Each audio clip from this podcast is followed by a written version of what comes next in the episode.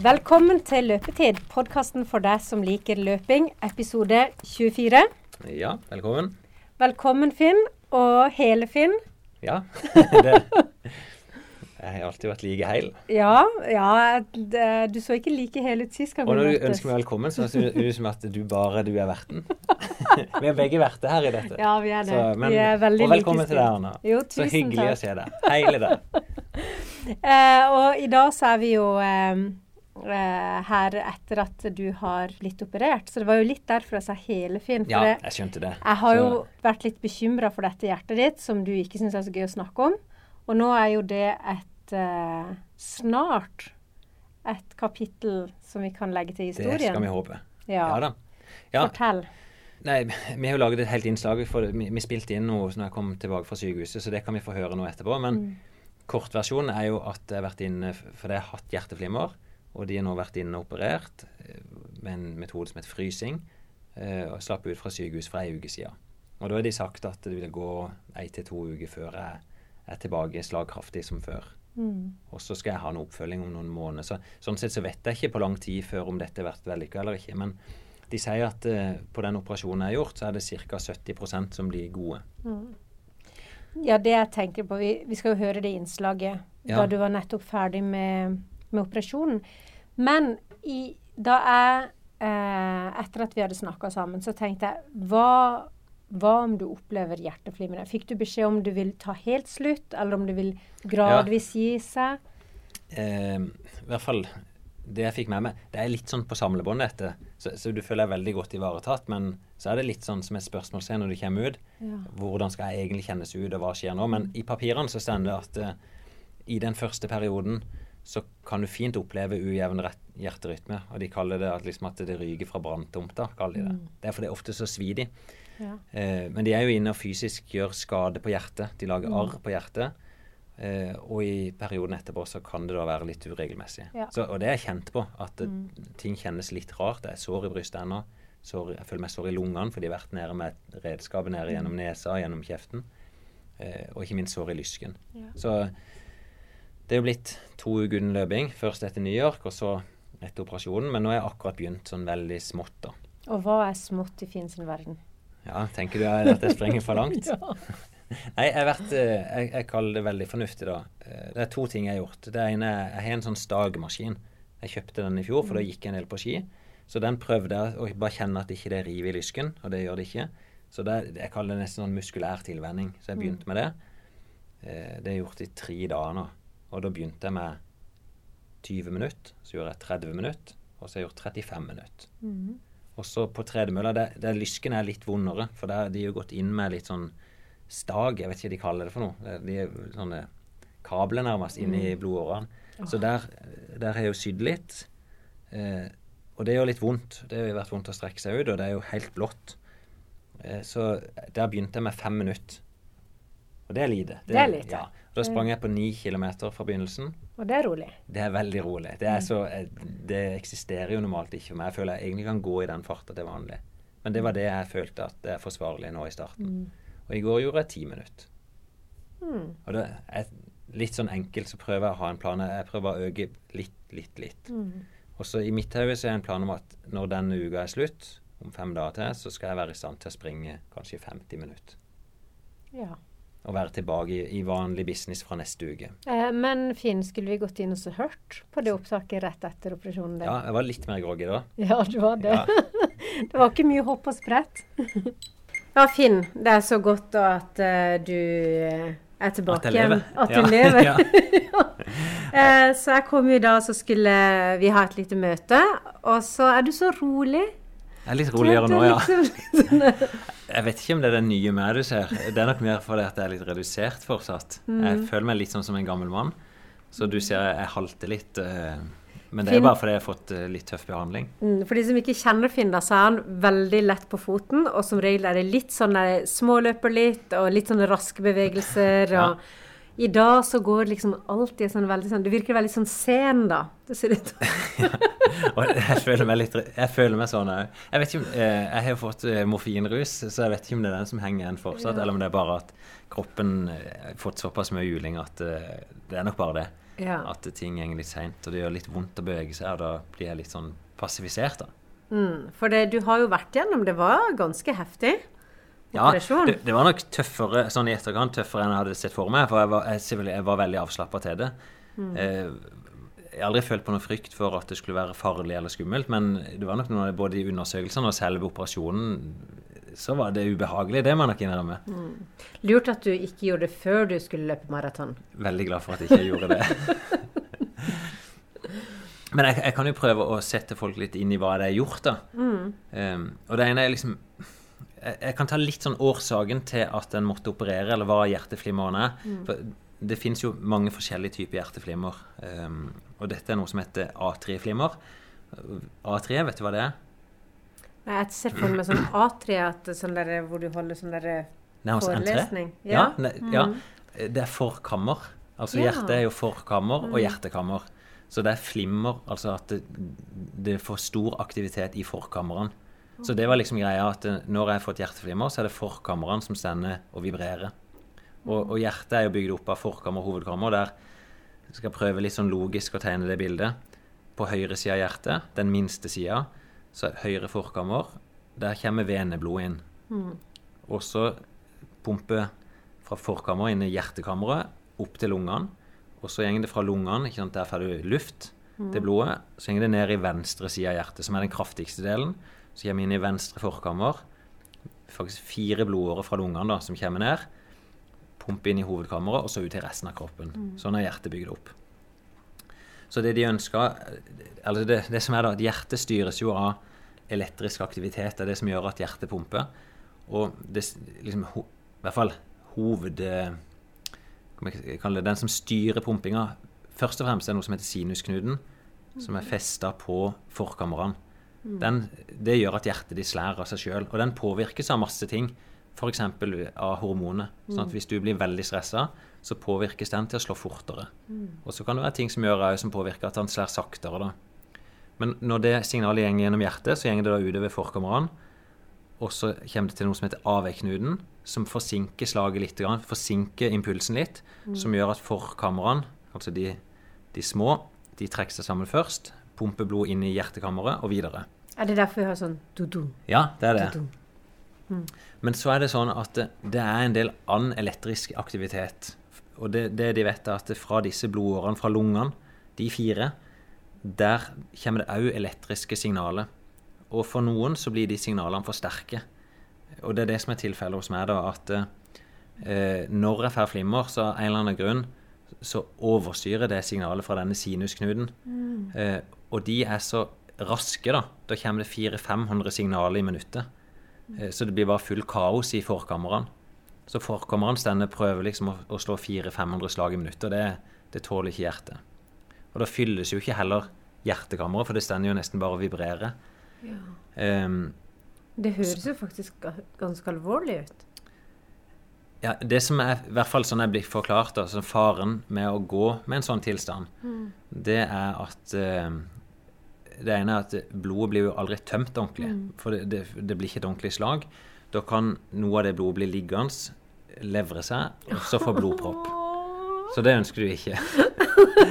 og, og det andre er jo at belastninga i seg sjøl gjør at hvis du blir gående over tid, så Hjertet er jo aktivitet hele tida, så du kan medføre hjertesvikt da, hvis du blir gående veldig lenge. Men Så det de egentlig ønsker, da, det er å isolere disse elektriske signalene. Eh, og det er jo ikke så lett. Altså, en må, du kan jo åpne hele brystkassa, men det er jo en dramatisk operasjon. Så, så det de gjør her, da, det er å gå inn gjennom blodårene. Så hvis jeg skal forklare den Jeg kan ta litt, litt av forløpet da, for å forklare hva, hva som gjør at jeg nok er litt utslitt nå. Eh, kom inn på mandag, og da er det undersøkelser å sjekke meg. Jeg, jeg, gjorde en veldig flau tabbe, for det, det sto jo i alle papirene at jeg skulle komme fastans. Og jeg, det visste jeg jo. Eh, Jeg overnatta hos min bror. Han forsvant tidlig på jobb. Eh, og så plutselig satt jeg med frokostbordet med hans to gutter, og de hadde servert frokost. Jeg satt jo og spiste. Eh, Nei! Så når jeg kom opp på sykehuset, så, så sier de jo selvfølgelig ja, og du faster. Nei, det hadde jeg glemt. Og Det ble pinlig. Da var det sånn at overalt hvor jeg kom resten av den dagen, så Å ja, det er han som hadde spist. For jeg skulle gjennom en sånn er det gastroskopiundersøkelse. Mm. Altså de skal inn i spiserøret mitt og ta ultralyd av hjertet fra innsida. Mm. En jeg vil si veldig ubehagelig undersøkelse. Du har lyst til å spy hele tida? Ja, da skal de ned et rør i halsen. Mm. Så jeg måtte vente veldig lenge med den. Men det var jo, jeg skulle jo ta blodprøve og, og flere liksom registreres inn. Um, men undersøkelsen i seg sjøl, der, der fikk jeg bruk for det å være løper. Og hun tok meg veldig fint, hun dama, for å si det at eh, du som er løper, du er vel vant til å presse deg veldig hardt? Så jeg, ja, det er selvfølgelig. Og du er kanskje vant til å gå inn i ei sånn boble der du ikke tenker på noen ting annet enn deg sjøl og løpinga. Ja, det kan jeg bekrefte. Og så sier hun jeg tror det er lurt at du prøver å gå inn i den bobla nå. Ja. For det er veldig ubehagelig å få noe gjennom spiserøret, og mens de undersøker deg i kanskje ti minutter, så skal du ha en slange ned gjennom halsen. Oi. Så det er vondt. Og det, det var litt sånn Hvis du spreller, så holder de deg bare fast. Mm. Og så blir du dopa litt ned. Eh, Men OK, det var mandagen. Undersøkelse der. Og så var det operasjon på tirsdag. Og da var fra morgenen av klokka åtte. Så fikk jeg noen tabletter. Jeg vet ikke helt hva det var, men det var noen morfintabletter som skal både roe meg ned og, og gi, gi meg smertedempende eh, ting. Og dette er samlebånd. Det er mange som skal gjennom dette. Så når jeg kom ned, så, så er det tydelig at det er sånn, litt hastverk. Så det er ei dame som sykepleier som kikker på meg, så sier at OK, de medisinene du har fått, de virker ikke ennå, men vi skal ha ned en temperaturmåler inn i spiserøret ditt gjennom nesa, så vi prøver bare å se om vi får den ned. Og du kan ikke protestere på det. Oi. Så hun bare brrrt, kjørte den inn i nesa, og så rett ned i luftrøret mitt. da. Eh, Veldig ubehagelig. Yeah. Som gjør nå at jeg hoster med slim og, og blod, som jeg hosta litt opp i ettertid. Um, og det prøvde jeg tre-fire ganger før de sier ta gi han litt morfin rett i armen. For jeg hadde jo klargjort det. Eh, og så fikk de han ned i halsen. Å, herregud. Ja. Og det, er sånn, ok, Jeg var ikke forberedt på det her, men du får liksom bare, det, det renner jo av øynene og snørr og, og sånt. Og så eh, er det selve operasjonen. Så begynner de selvfølgelig å bedøve ned lysken, for det er der de skal gå inn. Mm. og snitte opp eh, et Jeg vet ikke hvor stort det hullet var, men kanskje en centimeter. Så du var våken, altså? Ja, for de vil ha meg våken for at de skal ha kontroll på at de stiller meg spørsmål underveis, og de tester ulike reaksjoner underveis. Okay. For det- det de skal inn, da, de skal jo inn og så isolere disse elektriske signalene, og de kan brenne eller fryse. Ikke at De skal ødelegge vevet med en av de metodene, og, og for min del så skulle de fryse. Så da gikk de inn eh, Først de følger vena da, hele veien opp til høyre forkammer. Tydelig at det er liksom en grei adkomstvei. Og så hadde jeg en kniv, og da, da, de hadde jo gjennomlysning av meg, så jeg ser jo inn i hjertet mitt. Å, Ja. Og så går de gjennom veggen mellom høyre og venstre forkammer og lager hull der. Det høres skummelt ut. Det jo- høres ja. helt jeg- Ja. Ehm, og så kommer de opp med to sånne lange rør. inn i Du ser de kommer gjennom høyre og inn i venstre hjertekammer.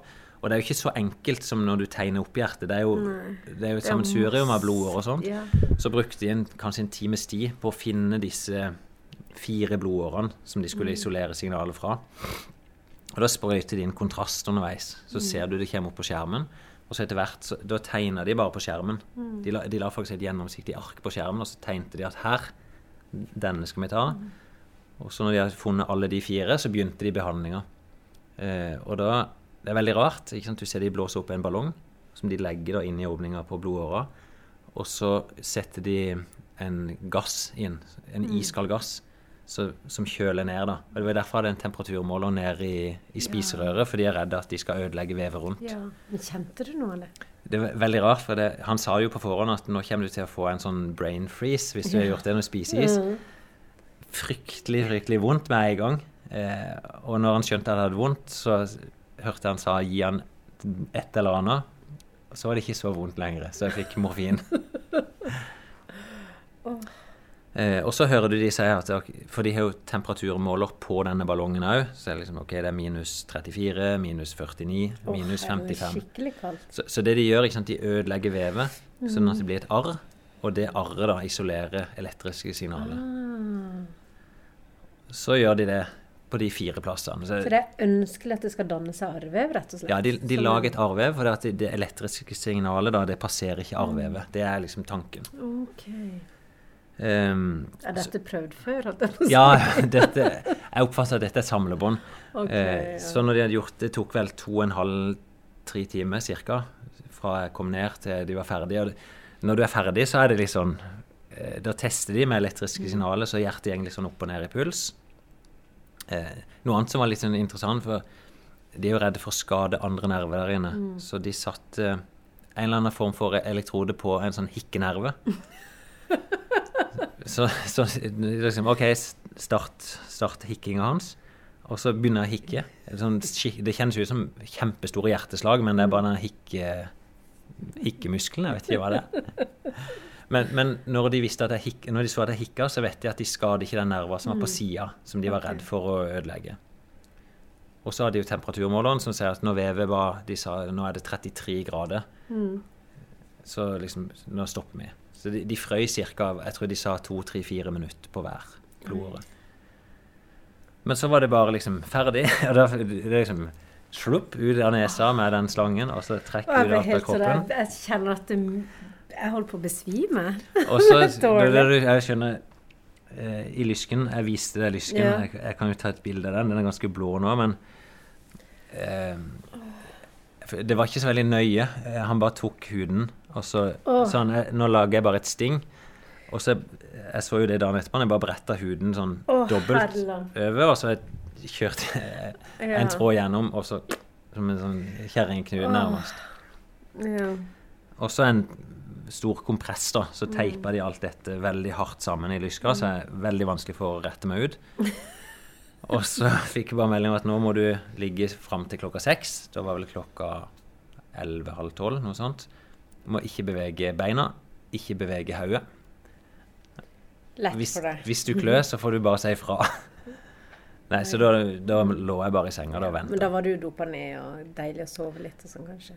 Ja, jeg klarte ikke å sove nå, men jeg lå i hvert fall der. Så Og jeg ble skikkelig uvel, ja, det- det var sånn Det var ikke noe behagelig, men, men du er I hvert fall min følelse at jeg var i veldig trygge hender hele tida. At det, de kan sagene sine ekstremt godt. Eh, Men litt vondt. Og sånn sett, jeg er vant til å ha det vondt, så Men eh, jeg føler meg veldig stakkarslig. Mm. Tok toget hjem og kommer hjem og med feber, og, og det er jo typiske sånne ting du kan vente etterpå. Lysken er jo helt fått rundhjuling, så det er veldig vanskelig å gå. Nå begynner det å komme seg. Så, og det er fordi de herjer der. Uff. Eh, sår i hjertet, der har de svidd. Ah. Sår i lungene, for der har det vært nede med et stag, og i svelget. Så hun føler seg litt sånn stakkarslig, men akkurat nå så er jeg på vei tilbake. Nå er hjertet ditt i orden. Jeg håper det er siste gang vi, kan, altså vi trenger å snakke om hjertet. Jeg, jeg håper det. Ja. Og nå er det jo sånn, det er ganske mye aktivitet i hjertet fortsatt. Eh, Det er vanskelig å se om det flimrer eller ikke, men det de kaller det liksom at det ryker fra branntomta. Ja. Eh, Det er vel helst når de svidder, men det er jo samme effekten her. at eh, ja, det er litt aktivitet. Hjertet skal vel sikkert venne seg til Jeg holdt på besvime på ordentlig. Jeg. Ble skikkelig dårlig når du fortalte om det.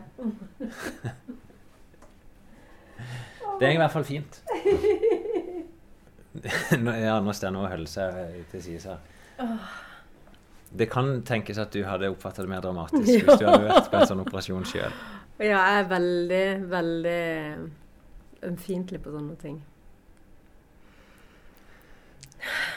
Er vi ferdige med hjertet? Jeg tror vi er ferdig med hjertet. Ja. Jeg kan si bare det siste sånn i forhold til, Ja. til veien videre for dette. Så er det sånn eh, Når jeg skrev ut, så skal de ta en test av dette om ja, tre måneder og sjekke at ting er OK.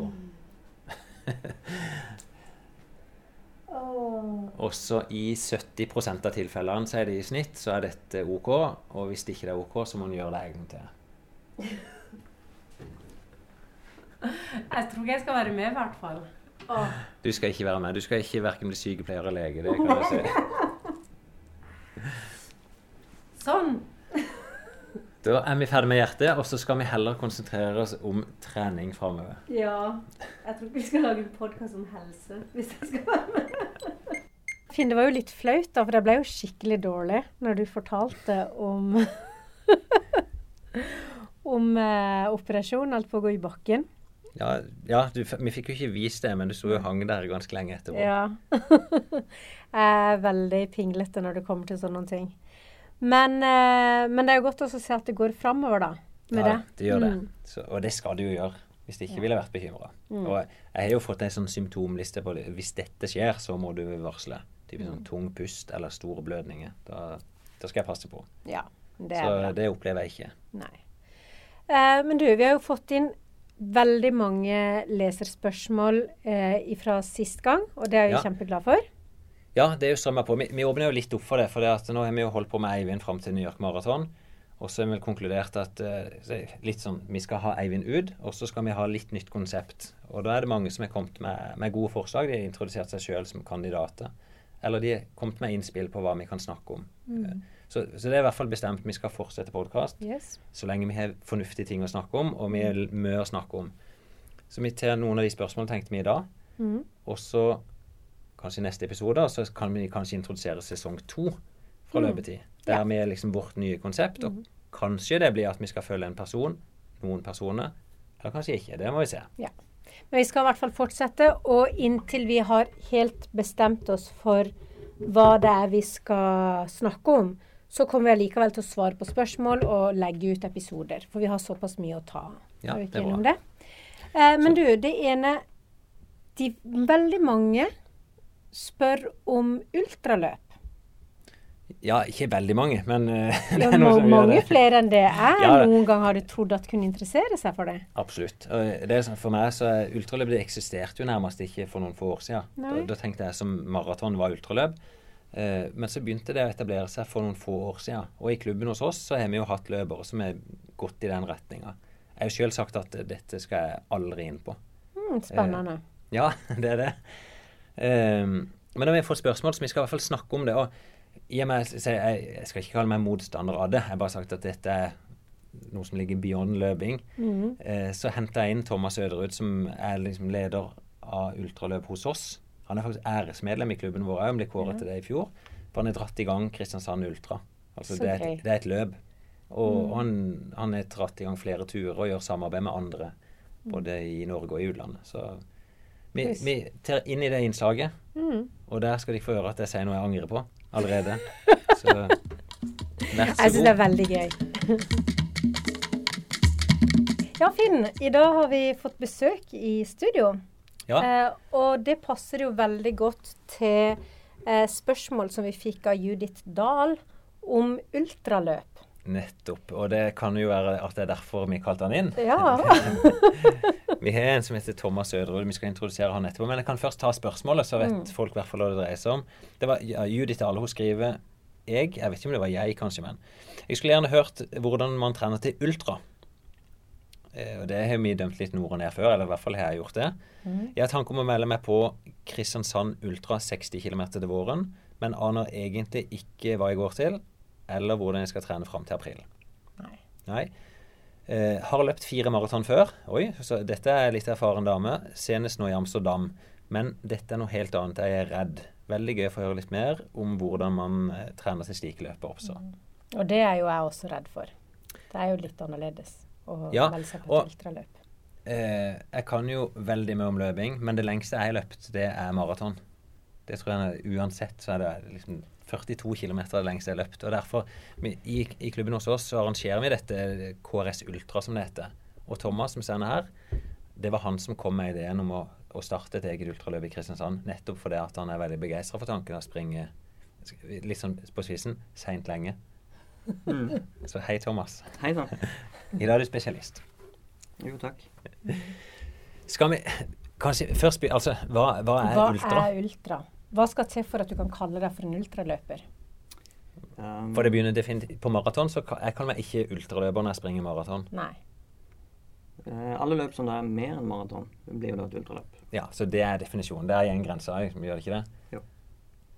Men betyr det at eh, hvis du løper liksom uh, når, når det blir arrangert løp, da, et ultraløp, hva, hvor langt er liksom det korteste ultraløpet? Um, det kan 43? være 43, ja. Fins det? Det gjør det helt sikkert. Jeg sikkert. Jeg tror, er ikke det vanligste sånn 50? Og mange av begynner der. Ja. Eh, og så er spørsmålet om det finnes noen øvre grense, da. Altså, jeg vet ikke om det går over i en annen definisjon til slutt, men jeg vet jo på Bislett så arrangerer de 24 timers løp. Det gjorde de noen år. Og så etter hvert så har de begynt å arrangere 48 timers løp. Det er jo helt galskap. Og nå kan du se Erik Bergersen, som er en av løperne våre i klubben, han er jo nede i Oman og springer 160 km i ørkenen. Som varer det er vel fem eller seks dager. Mm. Så, så her er det noe for alle, i hvert fall. Å ja, du kan, eh, du kan få flere uker hvis du, hvis du vil det, da. Ja, hold på, hold på. Det er poenget å løpe til du dør, liksom. Jeg vet ikke Det kan du si litt om, Thomas. For det, at det, er nok i hvert fall sånn for oss aktive løpere at når vi springer et maraton, så er vi veldig opphengt i tid. Eh, vi snakker jo en del om det med Eivind og med det òg, at det, det må ikke være sånn. Men i inntrykk på ultra så er det veldig dyssa ned. At det er ikke så stort konkurranseelement på ultra. At det er bare noen bitte få. Det er nok kun eh, den øverste kanskje 10% som eh, er veldig opptatt av tid og hvor fort det går og konkurrerer. Mens uh, størsteparten da er med for å fullføre og få en fin tur. Kanskje Ja. forbedre seg litt fra i fjor, eller Ja. Og kanskje noe av grunnen til det er at det er ikke så målbart. Når du arrangerer en 60 km konkurranse i Bymarka i Kristiansand, så er det ingen som har noe forhold til hvor fort det skal gå. Mens kanskje på et maraton eller 10 km så har folk et veldig sånn nøyaktig forhold til hvor fort er du løpt kontra meg. mm. Men hvis Så- man ikke har tid, eller sånn det lille jeg har lært om løping, da. Når du liksom sånn, sånn Finn er veldig opptatt av at ikke du skal begynne for hardt ut. Ikke sant? Mm. På et ultraløp. Mm. Hvis du skal begynne ikke for hardt ut i et ultraløp, og det går så himla seint, Mm. begynner du med å gå da? Det kan du gjøre. Mm. Men hva vil du anbefale? Um, jeg vil anbefale at du starter sånn at du egentlig føler deg litt flau. Ja, du gjør det? Ja. Mm. Litt sånn tripping, litt sånn. Mm, Så seint at du uh, er flau for Ja. Mm. Ja, men det er for så vidt et godt utgangspunkt. På, på maraton så tenker jeg Jeg prøver alltid å avstemme at dette skal jeg faktisk klare å holde om to timer. Men her er det nesten sånn Når du skal holde på i fem-seks timer, så er kanskje det nesten um- veldig vanskelig å forestille seg hvordan det vil kjennes ut. Mm. I hvert fall før du har gjort det et par ganger. Ja, Mm. For du har gjort noen ganger. For vi kunne kanskje begynt der, litt sånn hvordan en begynner å forberede seg til et ultraløp. Ja. For jeg har nok inntrykk sjøl at uh, oss maratonløpere i klubben, vi er kanskje de som trener mest. Men stykket ultraløperen Jeg vet ikke om jeg skal kalle det skippertak, men det virker som det er litt færre økter, men at du ikke gjør litt mer ekstreme ting når du ikke først er ute. Ja, det kan godt være, men um, jeg tror også vi har flere konkurranser enn dere, kanskje. Som er Ja. litt, litt lange. Ja. Så da trenger vi fort litt tid både før og etter. Til å ta det litt rolig. Men du, eh, nivået ditt jeg vil kalle habil ultraløper. Mm. Du er ikke sånn helt topp, men, men du er oppe i sikkert topp 20% i hvert fall på de fleste ultraløperne du er på. Ja. Kan du fortelle litt sånn hvordan du tenker om trening når du forbereder deg til disse? Ehm, jeg tenker jo som ehm, at det vil være lurt å være spesifikk i forhold til hvilket terreng og underlag. Og kanskje også distanse som en skal løpe. Ja, og der skal jeg bare avbryte, for akkurat det med terreng, det er jo faktisk òg noe som skiller her. At et, et maratonløp er jo nesten alltid på asfalt. Mm. Et baneløp er på en bane, mens eh, ultraløp kan jo være hva som helst. Ja. Det kan være både bane og asfalt og terreng. Mm. Og din variant i Kristiansand er jo ekstremterreng. Det. Så, så ja, forbered deg spesifikt til det du faktisk skal være med på. Ja. Men du kan Jeg ser ikke for meg du kan trene Altså på en Som forberedelse til et maraton eller 10 km, så er det jo lett å springe de distansene. Men du kan ikke Jeg tipper ikke du ikke springer 60 km i terreng. Nei, de fleste vil jo ikke gjøre det. Nei. Men- Og det er nok heller ikke nødvendig. Nei. Men det vil si at i forberedelsene dine da til Kristiansand Ultra, vil det være da springer du ikke mye i det terrenget, sa, samme type terreng. Ja. Eh, men hvor eh, Åssen er typisk treningsuke for en ultraløper? Og bruk det som eksempel. Ehm, da vil jeg nok ha langturen som det viktigste, kanskje. Ja. Få lagt inn en langtur på en ehm, to til fire timer. Oi. Og det, det tipper jeg for Det var så lenge jeg løp i skogen, det. Ja. Som en treningsøkt. Ja. Hmm. Men da, da vil jeg tippe det er noe som skiller den treningsturen fra det du gjorde. For mens jeg sprang med deg, så sprang jo du opp nærmest peste hele tida. Følte at du lå ja, på edge. Altså, Mm. eh, men jeg tipper en sånn type treningstur, den er ikke så tøff, for det vil kreve litt for mye restitusjon. Da løper vi og prater og stopper og tar noen bilder. og Ja, for jeg jeg ser det kommer ofte etter de turene. folk- De inviterer folk, og så kommer det ofte noen flotte bilder etterpå. Ja. Og film kanskje òg av og til. mm. Ja, Så det, det er rolige turer, nærmest. Er det sånn at dere ikke labber i terrenget, da, eller springer dere ikke hele veien? Da går vi i bakker og ja. Kan variere veldig i fart, egentlig. Men det vil si, for du springer jo maraton òg.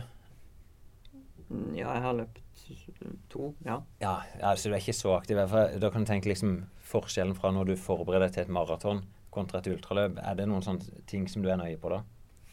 Jeg, jeg har ikke løpt en maraton i konkurranse. Nei, samme. Så du er ikke aktiv på det. Nei. Men jeg, jeg følger jo med på hva dere gjør. Ja. Det gjør jeg jo. Men, men da sier du at ok, du er spesifikk på terreng. Du skal ha Er det én langtur i uka du kjører cirka, da? Eller sjeldnere? Mm, Det er nok minst én, kanskje. Minst én sånn lang langtur. Ja. Og, og hvor mye ellers krever det? Altså hvis vi tar tak i, i hun som har stilt spørsmålet og løpt maraton og behersker den. Mm. Hvis du skulle gitt henne anbefalingen nå mot Kristiansand Mm. for å, å klare å legge om den maratontreninga til ditt, så er det egentlig hver uke å legge inn en langtur på to til fire timer i terreng. Ja. Så er hun jo egentlig Ja. Da er hun klar. Hva med ma- mat og drikke? Eh, På et maratonløp så får vi jo I New York nå så fikk vi drikke hver mile, altså hver 1,5 km. Mm. Jeg, jeg tipper i Bymarka i Kristiansand så er det ikke så lett. Her hos oss er det jo egentlig veldig luksus, da. I og med at du får mat og drikke hver tiende kilometer. Ja. Ja. Og det er egentlig ganske bra til å være et sånn et ultraløp. ja, men det vil si i prinsippet ca. hver time så får dere ikke noe forsyning. Ja. Eh, Velger folk å ha med seg mat og drikke sjøl, kanskje? da? De aller fleste løper med ei flaske, minst. Ja. Enten håndholdt, eller så har de en vest med muligheter for å fylle på eh, mat og drikke. Ja, så du ikke, Når du kommer til en drikkestasjon, og så fyller du ikke opp? Ja. Du er som en kamel? Ja, det er sånn du er. Ja, men og, og her skjønner jo jeg at det er et poeng med drikke. Ja. Altså Jeg sier som regel på et maratonløp Jeg tror absolutt alle maratonarrangører de serverer minimum hver femte kilometer. Det er nok på et maraton. Eh, På et ultraløp når du får tiende kilometer, så er ikke det nok. Da kan du risikere å gå helt tom hvis ikke du fyller på underveis. Mm. Så her er en med seg flaske. Jeg vet ikke om eh, springer folk med sekk. Det kan de godt gjøre. Ja, og i et sånt løp som i Kristiansand, så er det jo Du springer jo i ekstremt tøft terreng. Jeg vil sett at det er 2000 høydemeter som dere skal gjennom. Mm. Eh, Det er bratte trapper både ned og opp, Mm. og, og faren for skade, og det kanskje til og med det å springe seg vill er til stede. Mm. Eh, Da hadde mora di vært redd for det, sa Da du. vært Når vi sprang. Svalandsgubben, sa du at hun var redd for hva skjer hvis du springer deg vill oppå fjellet. Men her er det jo en reell sjanse for å gjøre det. Mm, Men det som er annerledes her, er jo at vi har en trekker på alle løperne. Ja, altså Så vi ser hvor alle løperne er. en. GPS-sender. Veldig flaut hvis det plutselig er en løper som bare forsvinner ut av løypa. Så har vi også, eneste kravet vi har, er jo at de skal ha med seg en mobiltelefon. Og den skal være på. Ja. Da kan du vi skal også kunne ringe, ringe. Ja. hvis de løper feil. Så hvis de springer feil, så de ikke sitter i kan vi kalle det, i ko da, og, og overvåker løperne. Ja. Og det vet jeg jo, det skjedde jo det ene året at Mm. der var det gjort en feil på merkinga som gjorde at plutselig så ser de at teten begynte å skjære av en annen vei. Oi. Eh, Det er jo dobbelt trykk, da. Så Mm. en sikkerhet for arrangøren. Altså, Det vil si at du er relativt godt ivaretatt underveis fordi at du, du ikke følger dem. Mm. Du ikke drikkestasjoner hver tiende kilometer med nå. Er det sånn at du har med deg skift på et sånn type løp? Det kommer litt an på været. Ja, selvfølgelig. Så Men så har vi også i dette løpet en mulighet for å plassere ut en bag som du får tilgang til på 11 og 43 km. ja. Så da kan du bytte der hvis du, hvis du ønsker. Så det er egentlig veldig, Veldig luksus. veldig luksus. Ja. Mm. Men da OK, vi, vi blander litt sånn inn fra trening til selve gjennomføringa her. Men når du, du sier du, du begynner da konkurransen på et sånt type løp, du begynner så sakte at det er flaut. Mm. Um, når er du oppe i på liksom god trav? For du, du må jo komme inn i det du oppfatter at dette er noe jeg kan forholde meg til etter hvert. Eller Mm. skal du springe med den følelsen hele tida? Det vil nok være fornuftig, fordi at eh, hvis ikke du har gjort det før, så vil du nok Du vil nok gå på en smell en eller annen gang i løpet av de eh, milene. Ja. Og det skjønner jeg, for du, for du jo på ganske lenge. Ja. Men, men ja, for det forventer du. Du vil komme en smell. Og Mm. eh, på et maraton så vet jeg hva det innebærer. Eh, jeg prøver jo der å opprettholde det mange vil kalle veldig høy fart, og så er det bare fullstendig stopp. Du, typisk, du vet nesten ikke hvor du er. Mm. Er det sånn samme type smell her, eller er det mer at det gjør så vondt i beina? Det er muskeltretthet, rett og slett. Musklene er ikke vant til å holde på så lenge at de, eh, de har ikke lyst til å gå lenger. Og så kan det være de gir litt beskjed om det opp til topplokket at eh, nå har jeg lyst til å stoppe.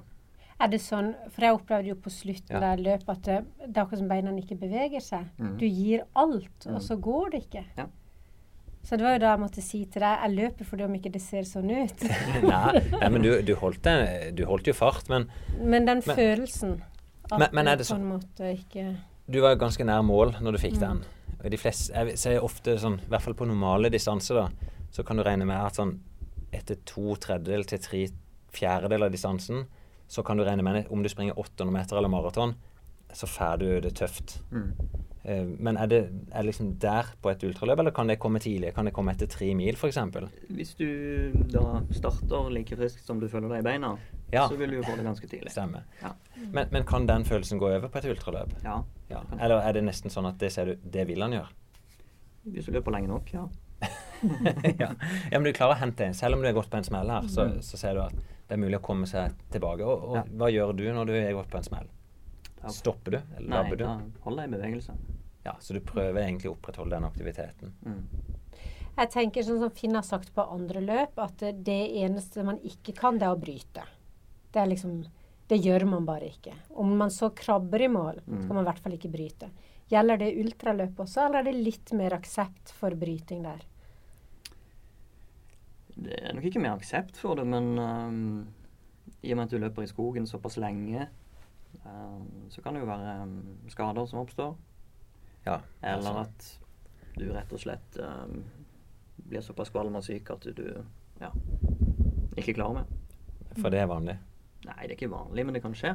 Ja. Mm. Jeg vet jo det på i hvert fall ekstremt lange løp, sånn à la 24-timersløp, så er det jo Det kan det være vanlig at folk begynner å kaste opp. Altså du klarer Mm. ikke å ta til deg den, den næringa du har. Kanskje fordi en drikker for mye i forhold til en vant med, for mye sportsdrikk.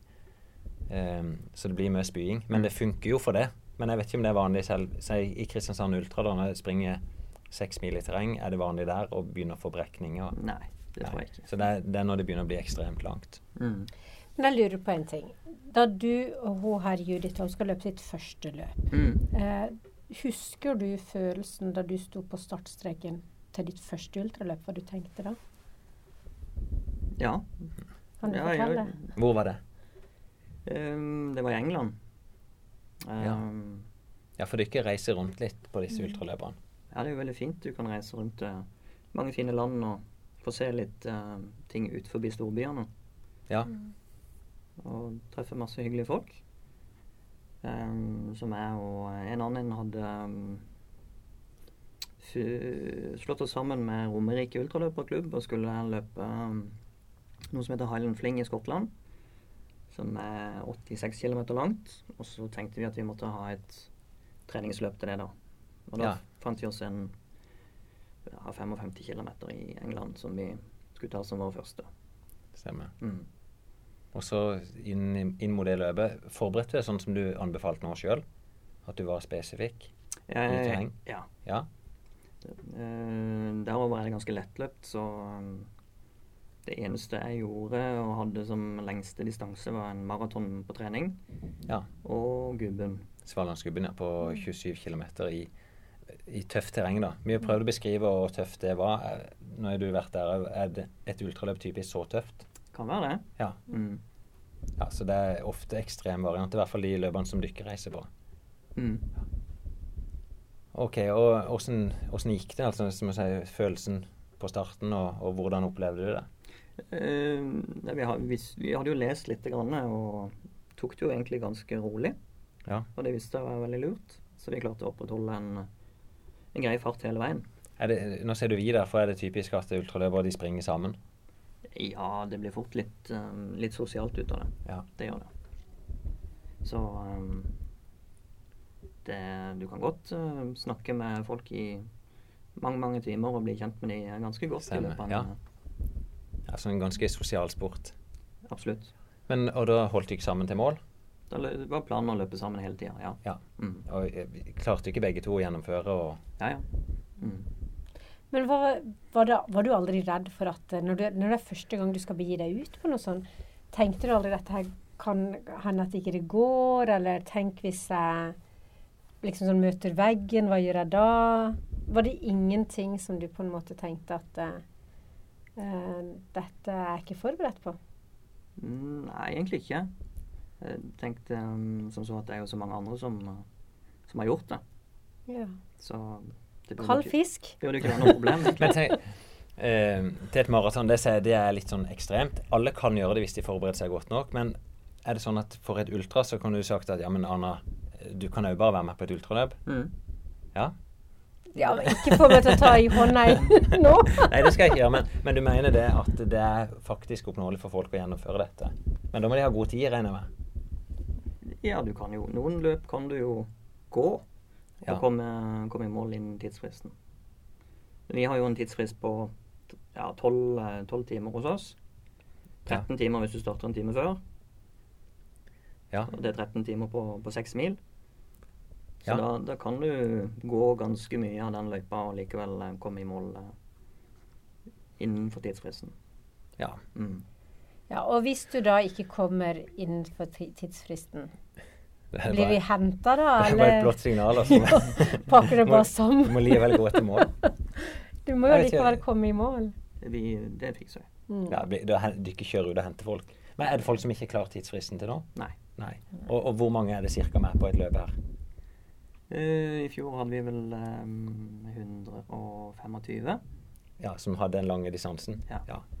Mm. Ja, og da tipper, eh, sånn I utgangspunktet tipper jeg jo det tiltrekker folk som er litt i god trening. Men er det faktisk nybegynnere som stiller opp litt blanke på dette og allerede løpt et maraton? Ja, det, det som er litt morsomt, er at vi har en ganske høy prosentandel um, som er debutanter. Ja. Og det syns vi er veldig gøy. Hva er en høy prosentandel? Eh, vi har vel, eh, Første året hadde vi vel nærmere 50% som var debutanter. Ja. Og nå har jo mange av de kommet igjen, da, så det er jo ikke så høy prosent um, i år som vi Mm. holdt det. Uh, men det er vel 30 stykker av de uh, 130 som debuterte Ja. hos oss. Men um, for meg så jeg tenkte jo at det var, du var veldig sær hvis man liksom sånn var interessert i ultraløp. Uh, men så har jeg jo skjønt at det er noe flere og flere får øynene opp for. Kan du forklare litt hvorfor det? Hvorfor tror du at dette har begynt å bli en trend? Mm, ja, det er litt vanskelig å si, men uh, det er vel noe med at vi har lyst til å finne, finne noen grenser. Se om vi kan Hvor langt kan vi holde på, eller hva kan Mm. min kropp gjøre, eller hva skjer når vi blir uh, ordentlig slitne? Og, ja, Blir dette mer som en sånn mental prøve enn en fysisk prøve? absolutt. Absolutt. Mm. Ja, Så du mener det at den største utfordringen ligger i hodet? Ja, du må være ganske tøff i hodet, tror jeg, hvis du skal um, på en måte komme forbi de periodene som blir litt tunge. Ja. For det, det enkleste vil jo være bare å slutte. Mm. Og bare stoppe. Så Det som er litt interessant her, er jo at jeg ser at forskjellen på menn og damer den er ikke så stor på ultraløp. Jeg så Erik Mm. Bergersen med springe i Omana på, på andre etappen. Da var det faktisk ei dame som sprang aller fortest. mm. Eh, hvorfor det er sånn? Det, det kan kanskje nettopp være derfor, for at det handler mer om det mentale Riktig. enn det fysiske. Det er flere eksempler på øh, internasjonale løp med høy klasse hvor det er damer som, som vinner hele løpet. Det er fantastisk. Det er bra. Kanskje Ja. det var det jeg skulle begynne med, da. Det jeg også kan si, er at hos oss så øh, fullførte samtlige damer som starta, Ja. men ikke alle menn. Hmm. Finn ser ut som et spørsmålstegn. Nei, jeg gjør ikke det. Nei, nei, jeg, jeg har jo fem jenter sjøl hjemme, så jeg, jeg, jeg tror jentene de er definitivt kommet for å bli. Det er de som overtar. Mm. Men det var jo litt av det vi opplevde bare på det korte Svalandsgubben. At de som sto med strekk og nesten ikke kunne gå videre, det var jo menn. Jeg tror, ja, og jeg har nok kanskje inntrykk av at menn ofte de har litt tendens til å overvurdere seg sjøl, og så er kanskje damene litt mer fornuftige. Altså de, de legger gode planer og er ja. Men Så- eh, nei, når du sier Når du blir litt sliten, når det blir litt sånn, så merker jeg at eh, eh, Jeg Jeg vet ikke om jeg tror deg helt. men hva er det verste du har opplevd? Jeg vil få et eller annet. Jeg vil at du skal si til meg at dette her er egentlig helt grusomt, men det er gøy allikevel. Hva er det verste du har opplevd på et ultraløp? Uh, det verste må vel være um, når, um, når, magen ikke fungerer, og at du er kvalm og ja. sliten, og du vet du har uh, mangefoldige timer igjen. Mm. Komme seg over på en måte de uh, ordentlige ja, de periodene som er ordentlig uh, kjipe, da. Du ikke setter ikke ut toalett? Nei. Nei. Der må folk ha med seg og ordne sjøl. Det er toalett på Grønnslettet, da. Ja, sånn sett. Ja, det er et mm. punkt i løypa som, som det passerer et toalett. Mm. Ja. Men det kan jeg skjønne. Mage er jo Mage er jo ofte problemet på lange løp. Det mm. så vi òg med han Jimmy Vika som sprang 20 maraton. Mm. Påfølgende så er det liksom den største bekymringa var magen etter hvert. Mm. Og hva er så. grunnen til at magen reagerer på løping? Vet dere det? Ja, det, det, kan du si. Altså, jeg tror noe er nok det at du tilfører ting som ikke du er så vant med til vanlig. Mm. Sånn at når vi springer et maraton, så er ikke jeg vant til å drikke si 20 ganger da, i løpet av to og en halv time i ekstrem høy fart. Mm. Uh, og jeg prøver å komme fram med det tipset òg, at uh, forbered deg på det du skal gjennom. Mm. Så er sjansen større for å lykkes. Så jeg tror ikke på treningsturen så er de, så de ikke er vant til det. Så jeg tipper du er sikkert mindre mm. mageproblemer enn mange andre. Det tror jeg nok. Ja, og, og noen Så tester vi ut de tingene som vi har lyst til å bruke i en konkurranse. Ja. Så hvilken drikke vi skal drikke, og hvilken mat vi skal ha. og ja. Mm. Og, og, det er noen som har funnet ut sant, at kanskje ikke de tåler den sportsdrikken fra Gatorade, så de velger mm. heller å ha med seg noe annet mm. enn det arrangøren tilbyr. Så hjemme hos dere til middag så er det gel? veldig, veldig, lite, veldig lite gel, ja. så, men så er det jo merket som altså løping du er jo Du får jo litt hard belastning i magen. Det blir mm. rista godt på. og Det er nok litt annerledes enn på ski. Selv om jeg òg kan oppleve på de lange løpene på ski, så opplevde jeg da på Vasaloppet, som er ni mil, at jeg begynner å, altså kroppen vil ikke ha mer av den sportsdrikken. Så begynner den å, å spyde opp igjen. Så det er kanskje rett og slett bare uvant for magen under den belastninga som en er. Mm. Så Det blir jo en sånn liten intro til, til ultraløpet. Jeg kunne godt tenkt at jeg var med dere på en sånn tur. Jeg er faktisk til gode til å bli med. Jeg er med i den interngruppa deres, men jeg har aldri vært med på løpeturene. Mm. Um, du kan jo bli med på et løp òg, da. Jeg trenger ikke nødvendigvis være med på et løp, men jeg kan være med på en trening. Men du kan jo også si at han skal ta deg i hånda på det, for det har han jo gjort mot meg. Han blir med på et løp, ja. ja. Vi har jo et veldig lokalt løp som starter rett borti høyre her. Ja. Jeg har jo satt med et hårete mål for neste år, og det er at jeg skal springe maraton under to og en halv time. Eh, og det er planlagt å gjøre i april, og ditt løp er vel ganske nøyaktig samtidig. Mm. Um, da måtte det vært nok noe før det, på veien mot maraton. Men uh, Eller etterpå. Og Når skal du løpe maraton? Uh, det jeg håper for plass, det er i London. Og hvis ikke, så blir det enten i Rotterdam eller i Hamburg. Mm. Ja. Og, og, og, de løpene går i april. Skal vi finne et, eh, et annet løp til? Yeah. Det er vel egentlig noe jeg alltid har sagt, at jeg skal aldri løpe ultraløp. Men Jeg sa jeg aldri skulle løpe. Jeg kan, jeg kan love å være med. Det kan vi sagt da, hvis det er en fornuftig mm. tid før jeg skal springe maraton, så skal jeg ta deg i hånda på det. Mm. Må, og, nå tar de hverandre i hånda her. Og da er ultraløp da er det innenfor noe av det samme som dykker med på. Ikke noe sånn 24 timers løp der Nå må dere Yeah! nå, lyttere, nå blir det ultraløp på Finn. Jeg blir ikke ultraløper fordi jeg stiller opp på et ultraløp. Det er ikke sånn. Eller er det vi, vi, ser jo det på maraton. Altså det, det, det, er liksom to kategorier mennesker. Det er de som har løpt maraton, de som ikke løpte. Ja. Men um, jeg, jeg, tenker i mitt stille sinn at jeg, ennå syns jeg dette er litt sånn på, på grensa til særhet å springe disse ekstremt lange løpene. Så. Det eneste jeg skal ta bilde av, det er der med sånn der kamelvest. Med drikke og fylt ja, ja, det er sånn sant. Så jeg må kanskje ikle meg litt sånn kostyme når jeg skal ut på disse løpene der. Det får vi finne ut av. Mm, veldig gøy. Men Thomas, eh, jeg skal prøve å bli med deg på en treningstur, da, så vi får ta og snakke sammen om det. Mm. Um, det skjer jo stort sett hver uke her i Kristiansand. Og jeg har jo sett det at uh, litt sånn til forskjell fra mange andre klubber i friidretten, så samarbeider alle disse ultraløpklubbene stort sett veldig godt sammen. Mm. Reiser på turer sammen. Ja. Mm. Så det blir sikkert mer ultrasnakk, men det er i hvert fall det som var dosen for i dag. Ja ja, Finn. Det blir jo gøy å uh, se deg i løypa. Ja. Jeg tenk, for meg så tenker jeg kanskje at dette er enda verre for meg enn det var for deg å gå til Svardalsgubben. Hvor, ja, jeg- nei, det er ikke det. Det, det blir sikkert ikke det. Nei. Nå blir det du som skal kave deg på slutten. Vi får Nei, se jeg som legger tror det opp. Skal vi finne et godt løp som jeg skal være med på, og så får vi ta det derfra. Ja, og du er jo supersterk mental. Ja, Så det er jo det bare er kanskje nå jeg får prøve det ut. Ja, det er jo bare å kjøre på. Det bra. uansett, i hvert fall i hodet mitt nå, det viktigste for min del sånn på idrettsbanen neste år, det er maratonmålet mitt.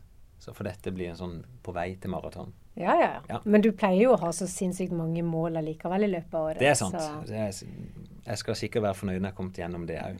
ta det som en treningsøkt, Finn. Men eh, det begynner jo å nærme seg vinter, og til og med her på Sørlandet så er det glatt. Ja, ja, til og med så er det Jeg tror sånne plasser som her, så er det ekstra glatt. Ja. For det at det svinger så mye mellom Det kan komme snø, sludd, is, Mm. frost. Eh, Så jeg syns ofte det er verre på, som løper her på Sørlandet enn det kan være på Innlandet. Der Ja. det ofte er stabilt og greit. Ja, så jeg har jo vært hos eh, Charlotte på løplabbet og snakka om sko for vinterføre og litt sånn pigging av sko og sånn. Ja. Så skulle vi ha hørt på det og sett hva hun har å si. ja, det kan vi godt. Ja, du pigger jo ikke sko, tenker jeg. du, ja, for du begynner å kjenne meg så godt, og du tenker liksom at jeg er skeptisk til alt. Eh, I hvert fall til det som krever mer enn shorts, en splitshorts og noen joggesko. vi har jo jeg kan si vi har fellesøkt her, og da hver mandagsøkt så har vi en liten intro der vi snakker litt om hva vi skal gjøre denne uka. og Så prøver jeg av og til å ta opp noen temaer. I går snakka jeg faktisk om pigging av sko. Ja. Men da sa jeg akkurat det som du sa nå, at jeg, pigger, jeg aldri pigga sko sjøl. Mm. jeg syns at det fungerer så godt å springe utendørs på vanlige sko på vinteren. Og så når det blir, blir ekstremt, så springer jeg bare på mølla. Ja. Men så finnes jo de som ikke er det alternativet, eller de som føler seg mer utrygge på glattisen. Og da kan vi inn og høre hva Charlotte Ja. sier. Ja, Charlotte. Eh, det er jo Det kan jo bli glatt. Er man litt oppe i høyden, så er det både snø og is nå. Ja, faktisk. Jeg så det var snø på Hovden nettopp. Ja. Og når jeg løp på lørdags Det var ikke så tidlig heller. Da var det frost ute. Ikke på bakken, men på gresset. Eller Ja. rin på gresset. Så det nærmer seg jo eh, man må tenke på glatta. ja. Så da kommer vi jo til sko, gjør vi ikke det? Jo. Og da har vi noe helt nytt som kanskje kom i fjor. Eh, det er den her. Det er en eh, terrengsko, Peregrine eh, som er en kjent sko som vi har hatt lenge. Denne har en ny såle som kom i fjor. Heter, det er en Vibram-såle med Arctic Grip. Så den har sånne du kjenner på den nesten når du Oi, nesten som sandpapir. Ja. Og den sitter på isen. Jeg vet at Vibram generelt sitter ganske godt på isen. Det er mange som bruker terrengskoene sine litt. Hvis man har et par, terrengsko, så bruker de de eh, om vinteren når det er glatt. Og Vibram er en av de sålene som sitter best på glatta av vanlige skåler. Er de sålene litt hardere, eller? Det er en ganske, eh, det er en ganske det Ikke så veldig. Det er en relativt fast såle. Eh, det, og den, den her, den har, det stoffet som er her, det går gjennom innover, så du sliter det heller ikke ned. De sitter på isen. Og da, når man løper asfalt, så slipper du det å ha pigg. Ja. Men når du kommer på tørre områder igjen som ikke er is. Så jeg tenker at det er jo liksom den enkleste, eller den letteste allrounderen, da. ja. Men ellers har vi tre andre alternativer til, eh, til løp på Mm. Hvis du ser den her, så er det rett og slett Verktøy. Det er verktøy. Ja, det kan om vi ferdig. Sånn. Eh, eller så kan du komme hit og så kan du pigge skoene dine. For det her er, en til, det her er til å kjøpe sjøl og pigge sko sjøl. Eller så kan du komme hit og så kan du pigge mye sko, gamle joggeskoene dine. Og så sitter de på isen. Det er jo kjempelurt. Ja, det koster bare 300 kroner. Ja. Den koster 350, men å bygge de her koster da litt mindre. For da får du ikke det verktøyet med, ikke sant. Um, og så har du en sko med din passform, ja. som en sko du er glad i, og som kanskje er utslitt fra før. Så får du en, en terreng, eller en vinterløpesko til 300 kroner. ja. Det er jo kjempebra. Ja. Du, bør man løpe med pigger både på asfalt og terreng når det blir vinter? Altså, bør og bør, man trenger jo ingenting.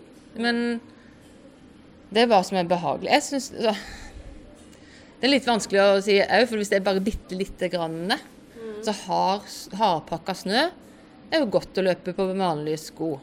Men når det er akkurat er blitt må, Hvis det er verdt å hva heter det? Måke?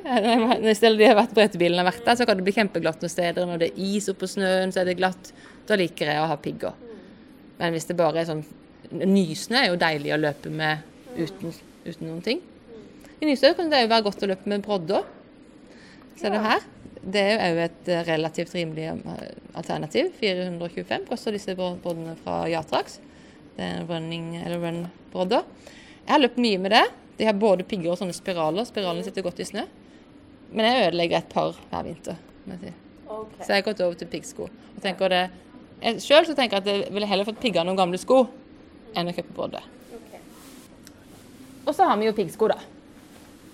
Jeg, men du prater om jo terrenget. Jeg, dette her er jo en terrengsko. Som orienteringsløpere løper med resten av året også. Okay. Men man kan løpe eh, is. på is og sånn med den. Så jeg løper i, om, I vinteren så løper jeg terrenget òg med piggsko når det er is og glatt. Dette er en ganske lett sko med 4 mm dropp og lite demping. Og ganske kraftig grep utenom piggene òg, ser du. Ja, liksom litt sånn, sånn fotballsko, syns jeg. Ja, for det er jo, ser jo litt Ja. sånn ut, for det skal sitte litt i gjørma og sånn også. Den sitter på våte røtter og sånne ting også. Da, ellers, da, ja. det var Sarba sin Devil. Og det her er Sarba sin Exero, som er litt mer drempa, litt høyere dropp. Og som går i både terrenget og asfalten. Du kan bruke den andre øye på asfalt, ikke det. Samme type pigger, ser du. Ja, det er liksom ordentlig pigger. Ja, Fordi da vi så på vanlige terrengsko, så hadde de liksom Knotter. Ja, og mer sånn mønster. Mm. Dette er jo virkelig pigger. Dette er metallpigger. Mm. Og så er det de her, helt nye i år, til uh, Icebug. De har det, Før så hadde de en annen type. Det her er bu... Nei, det her er Oribi. De har noe som heter bugrip. Og så er det de piggene her Du går ikke an å se det, men de piggene her er dynamiske. Sånn at når du lander på asfalten, så går de litt inn i sålen. Okay. For det synes jeg, jeg har en av de, og så har jeg en av de. Og da Jeg syns de her er best hvis jeg løper på asfalt, og det plutselig så er det bare asfalt, og så er det is igjen. Og, at det skifter litt.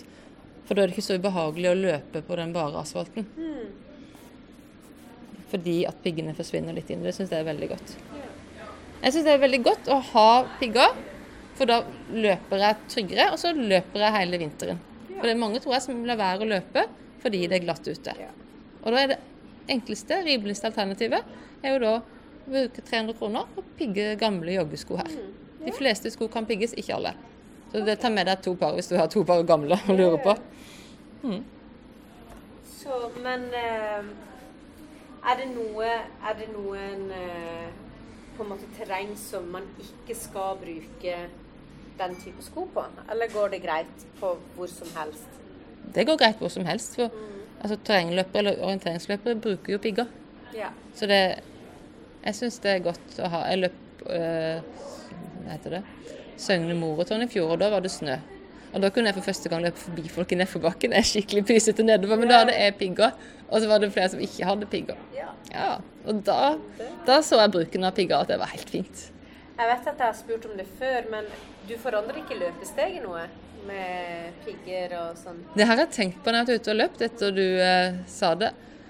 Men jeg tror det er bare at når man løper i kupert terreng, så løfter man jo Har man et høyere steg enn man har på asfalten. Ja. Så jeg, Kanskje man rett og slett løfter bitte litt, for man vet hvilke sko man har. Men så bra. Men da er det bare å komme enten og pigge eller kjøpe seg piggsko, sånn at eh, det blir en lang og god løpesesong. Ja, Så slipper man å få masse løpeskader når man begynner gjennom våren. vet du, så veldig ivrig.